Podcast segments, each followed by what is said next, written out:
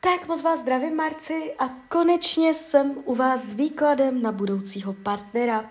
Já už se dívám na vaši fotku, nejdřív držím v ruce kivadelko, my si přes kivadlo uh, zkusíme časově nějak ohraničit, kdy tak asi budete v oficiálním partnerském vztahu a pak se podíváme do tarotu.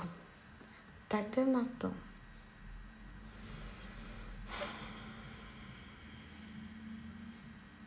Tak, podíváme se do konce roku 2023.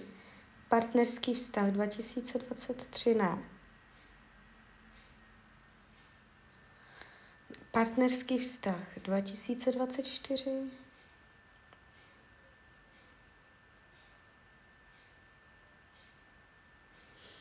No, zkusím 2025. 2025.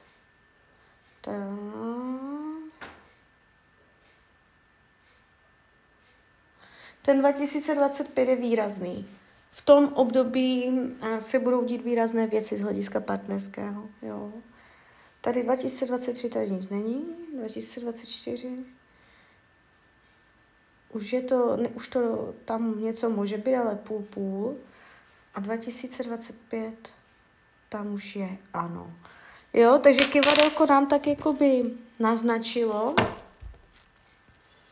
A podíváme se přes tarot, pod jakou energií budete v letech partnerské oblasti partnerství do konce roku 2023.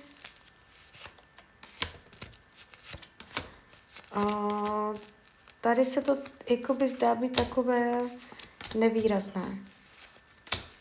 Jo, kdyby tam někdo byl, tak je to někdo, uh, koho jste od sebe ještě ne, ne, nerozsekla, neoddělila. Uh, když se podíváme, ale není to tak, že jakoby v tomto období začalo něco trvalejšího, zásadního, výrazného. Neukazuje se to teď do konce roku. 2024 energie se ukazuje ener- pod, pod kartou blázen. Tam může být uh, jakoby přátelství, komunikace. Není to tak, že byste byla pod špatnou energií v tomto roce, že byste tam mm, řešila nějaký špatný zážitek s nějakým konkrétním mužem.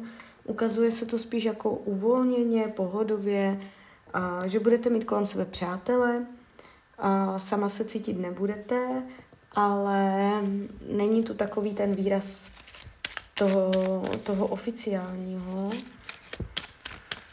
Může to začít jakoby v tom roce 24, ale že dojde ještě jako kamarád. Jo, já se ještě podívám 2025 přes tarot.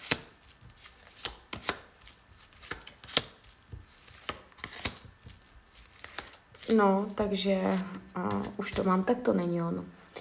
Uh, protože ten člověk z toho roku 2025 on teprve uh, přijde i v tom roku, že uh, v tom 2024 ho pravděpodobně ještě znát nebudete.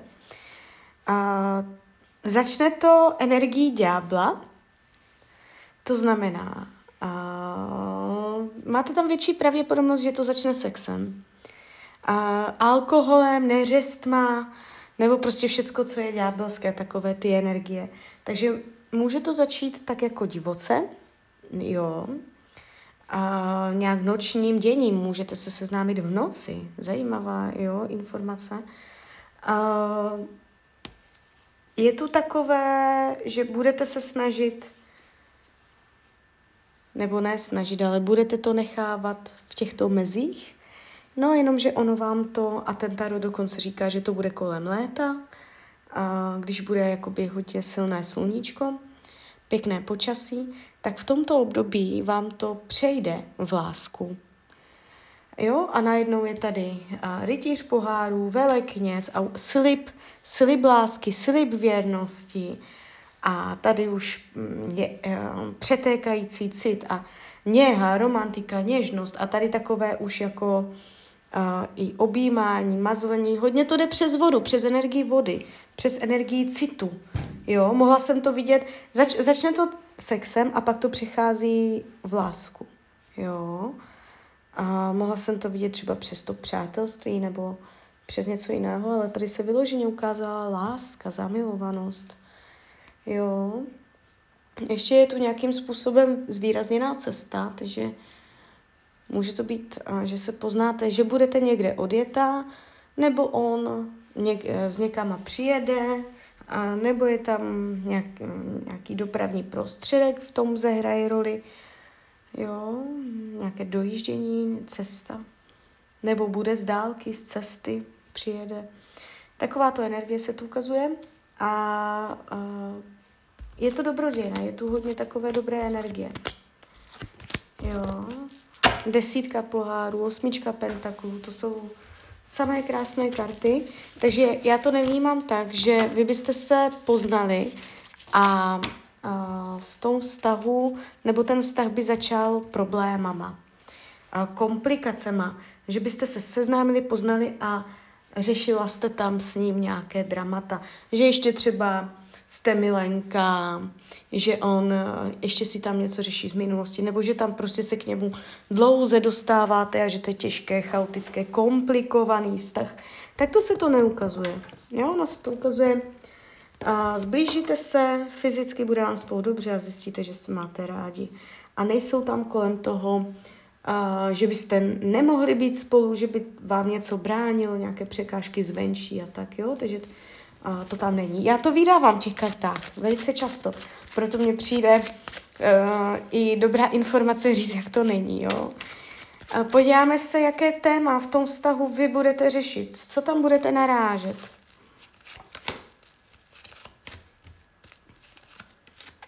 Na kamarády, na přátelé. A můžete mm, nebo budete měnit své návyky, co se týče vašeho vztahu, kontaktu a času a stráveného s kamarádama, a nebo kdybyste docházela do nějakého kolektivu, tak i to s tím bude souviset. Jo, kamarádi, kolektiv, lidi, změna vůči přátelům, jo, uh, jiný režim, změna nastavení.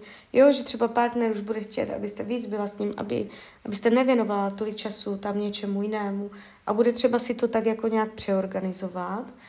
A ještě ten tarot říká, že vás tam teďka, nemusí to být partnerská oblast, ale je to, já vím, že na to jste se neptala, ale ten tarot mě to ukazuje ohledně vás tady teďka nějakou změnu, která vás čeká. Nedá mě to vám neříct.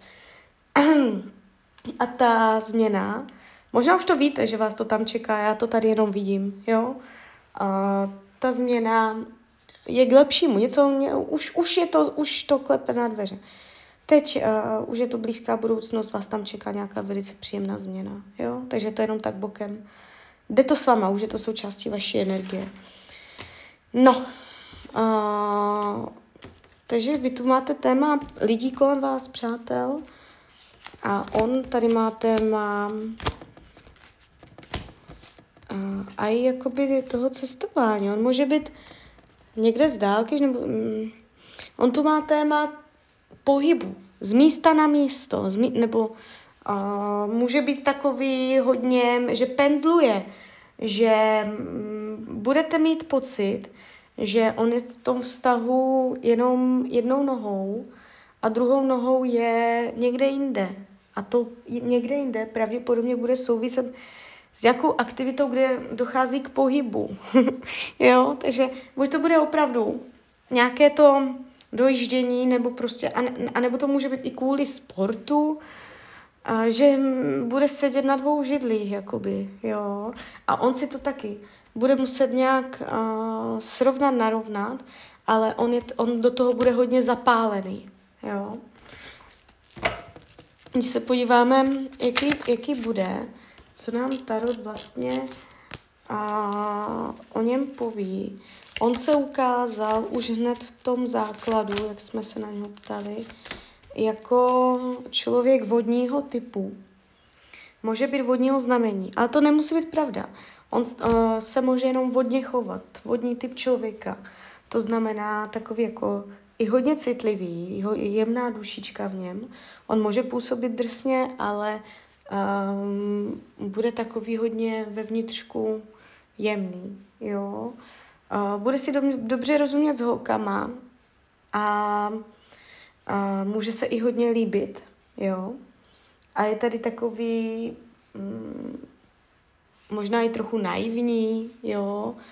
Uh, snílek romantický, Uh, ukazuje se tak jako, že není, nebude úplně dravec, nebude úplně uh, nějaký um, ambiciozní, co se týče třeba osobního života. On se ukazuje spíš tak jako, uh, že občas žije i ve vlastních světech, jo? Uh, že bude trochu i někde jinde než v realitě, odbíhat si někam do toho svého. Jo, občas se ukazuje tak jako jeho poštěkanost, může občas takový být podrážděný, ale kdo není. Jo, že tady se ukazuje občas, že něco střelí, nějaké slovo, pak ho to bude mrzet. Ale nebude to nic hrozného, ukazuje se, že to bude v rámci mezí. A celý ten výklad zavírá karta Král Pentaklů, což je nádherné. A to už naznačuje uh, energii až jakoby, když, když bych fakt byla troufala a přehnala bych to, tak klidně bych mohla říct i manželskou, jo. Ale minimálně je to něco, co ten tarot říká, potenciál, že už to bude pevné, zakotvené, vytvořit už něco na roky, jo. A hned v základu se nám ukázalo, že, bude, že si budete slibovat. A i ten velekněz, jo, se tam ukazoval. Takže Budete si slibovat věrnost, budete si slibovat tu lásku, budete mít mezi sebou pěkně nastavenou důvěru. Jo, to je další věc. Ta důvěra tam bude mezi váma pěkná. Jo. Takže nevnímám to špatně, nevnímám to komplikovaně, uh, mývám náročnější výklady, uh, i to časově, časově jakoby, když to měříme, tak ten čas je jakoby nejvíc pravděpodobný jo. Ale uh, vlivem svojí frekvence myšlení, jo, názoru, postojů, vy ten čas můžete mm, jakoby buď natahovat nebo zkracovat. Ale tohle jsme změřili, že je zatím nejpravděpodobnější varianta budoucnosti. Jo? Takže tak, takže uh, klidně mi dejte zpětnou vazbu, jak to vnímáte. Klidně teď, klidně potom a já vám popřeju, ať se vám daří. Ať jste šťastná. A když byste někdy opět chtěla mrknout do tarotu, tak jsem tady samozřejmě pro vás. Tak ahoj, Rania.